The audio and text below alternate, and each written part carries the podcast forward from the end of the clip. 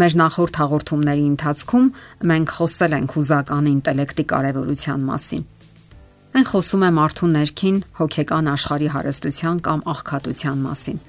Իսկ ճակատագրական պահերին սիրտը հաճախ իշխանություն է ձեռք բերում բանականության հանդեպ։ Հույզերն են ղեկավարում մեզ, երբ բախվում ենք ճափազանց կարևոր հարցերի, որոնց լուծումը չենք կարող տալ միայն տրամաբանությամբ Հետազոտողներ Պիտեր Սալովեյը եւ Ջոն Մայերը հուզական ինտելեկտը բնորոշել են որպես մտավոր ընտունակությունների խումբ։ Այդ խմբի մեջ մտնում են հույզերն անցալելու եւ դրսեւորելու ընտունակությունը, մտածողության արդյունավետությունը, հույզերի օգնությամբ բարձրացնելու ընտունակությունը, սեփական եւ ուրիշների հույզերը հասկանալու ընտունակությունը եւ հույզերը ղեկավարելու ընտունակությունը։ Գիտական լրագրող հուզական ինտելեկտի մասին գրքի հեղինակ Դենիել Գոլմանը գրում է. Ըստ էության մենք երկու միտք ունենք։ Մեկը մտածում է, մյուսը զգում։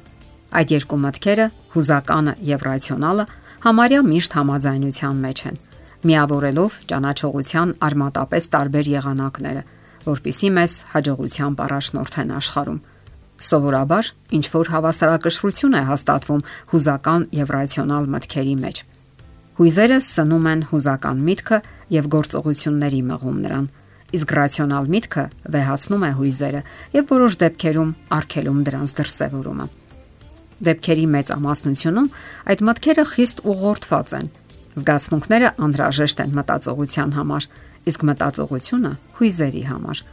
Ահա թե ինչու անհրաժեշտ է ճանաչել ու հասկանալ մեր հուզական աշխարհը հաշվի առնել դրանք թե նախաամուսնական շփումների ժամանակ եւ թե ամուսնական հարաբերությունների համար։ Դե իսկ եթե արդեն կատարել եք ձեր ընտրությունը, ապա պարտավոր եք դարձյալ ճանաչել եւ անհրաժեշտ ճշգրտումներ կատարել ձեր հոգեկան աշխարհում։ Դա միգուցե դժվար է, սակայն անհրաժեշտ է, եթե ցանկանում եք բնականon հարաբերություններ ունենալ եւ պահպանել դրանք ամուսնական կյանքի ողջ ընթացքում։ Նախորդ հաղորդման ժամանակ մենք խոսեցինք 7 նշանների մասին, որոնք վկայում են հուզական ինտելեկտի բացակայության մասին։ Ներկայացնենք եւս 5-ը։ Հաճախ դիմացինը չի հասկանում ձեր ձայնի տոնը։ Մենք մեր հուզական վիճակի մասին տեղեկատվությունը հայտնում ենք ձայնի հնչերանգով։ Եթե ձեր ամուսինը հերախոսով խոսում է ձեզ հետ եւ չի հասկանում թե ինչ վիճակում եք դուք, հոգեկան, հուզական ինչ ապրումներ ունեք, ուրախ եք թե տխուր, Դա բնորոշում է նրան որպես հուզական ցածր ինտելեկտ ունեցող անznավորության։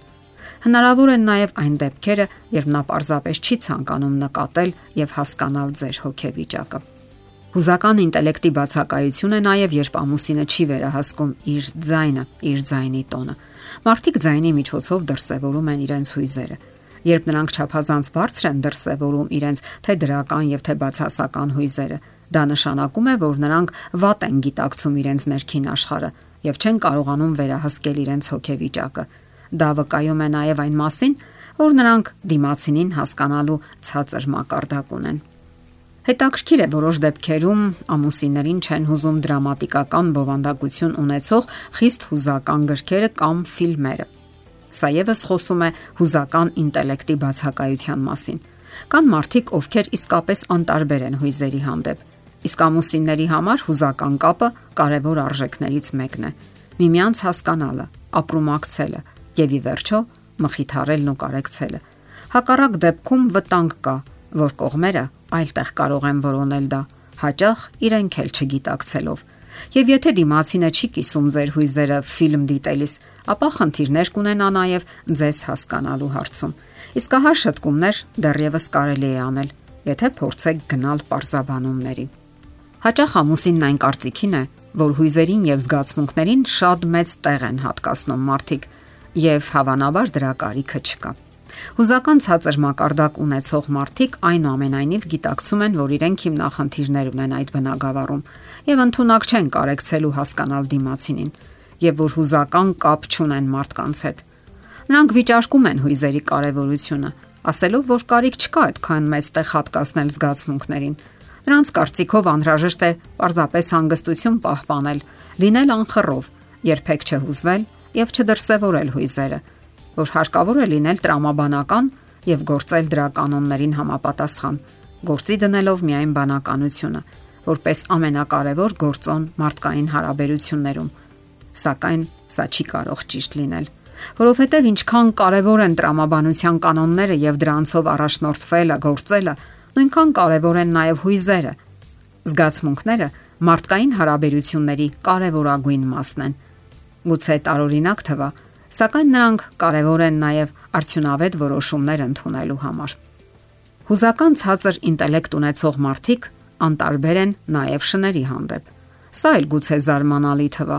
սակայն մարդու հուզական աշխարհը բնորոշում է նաև նրա վերաբերմունքը կենթանիների հանդեպ։ Շները բավականին ինտեգրված են մարդկային սոցիալական կյանքին, որպես տնային կենթանիներ։ Նրանք բացահայտ դրսևորում են իրենց հույզերի ու զգացմունքների ողջ ներկապնակը, Եվ եթե մարդը չի կարողանում հասկանալ կենթանիների զգացմունքները կամ անտեսում է դրանք, ապա նա հիմնախնդիրներ ունի հուզականության հետ։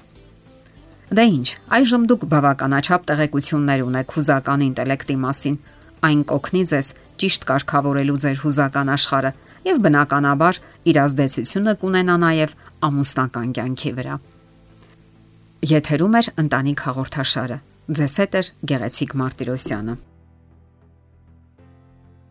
Հարցերի եւ առաջարկությունների դեպքում զանգահարեք 094 08 2093 հեռախոսահամարով։ Հետևեք մեզ hopmedia.am հասցեով։